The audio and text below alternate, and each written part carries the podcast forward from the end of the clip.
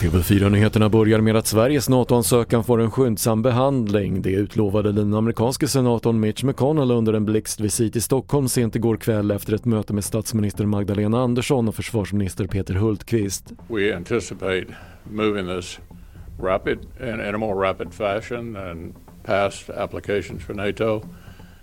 We hope to approve it before August. Other NATO countries might be able to approve it more quickly but we are confident it will be approved. Ytterligare åtta personer har avlidit och nästan 400 000 rapporteras ha feber i Nordkorea som i veckan bekräftade sitt första covidfall. Därmed har 50 personer avlidit sedan utbrottet startade i slutet av april men det är oklart om alla drabbade verkligen har covid-19. Och Tre Kronor tog andra raka segern i ishockey-VM igår med vinst över Tjeckien med 5-3 och samtliga svenska mål gjordes av VM-debutanter. Sverige möter Storbritannien i nästa match som spelas imorgon kväll. Fler nyheter hittar du på TV4.se. Jag heter Patrik Lindström.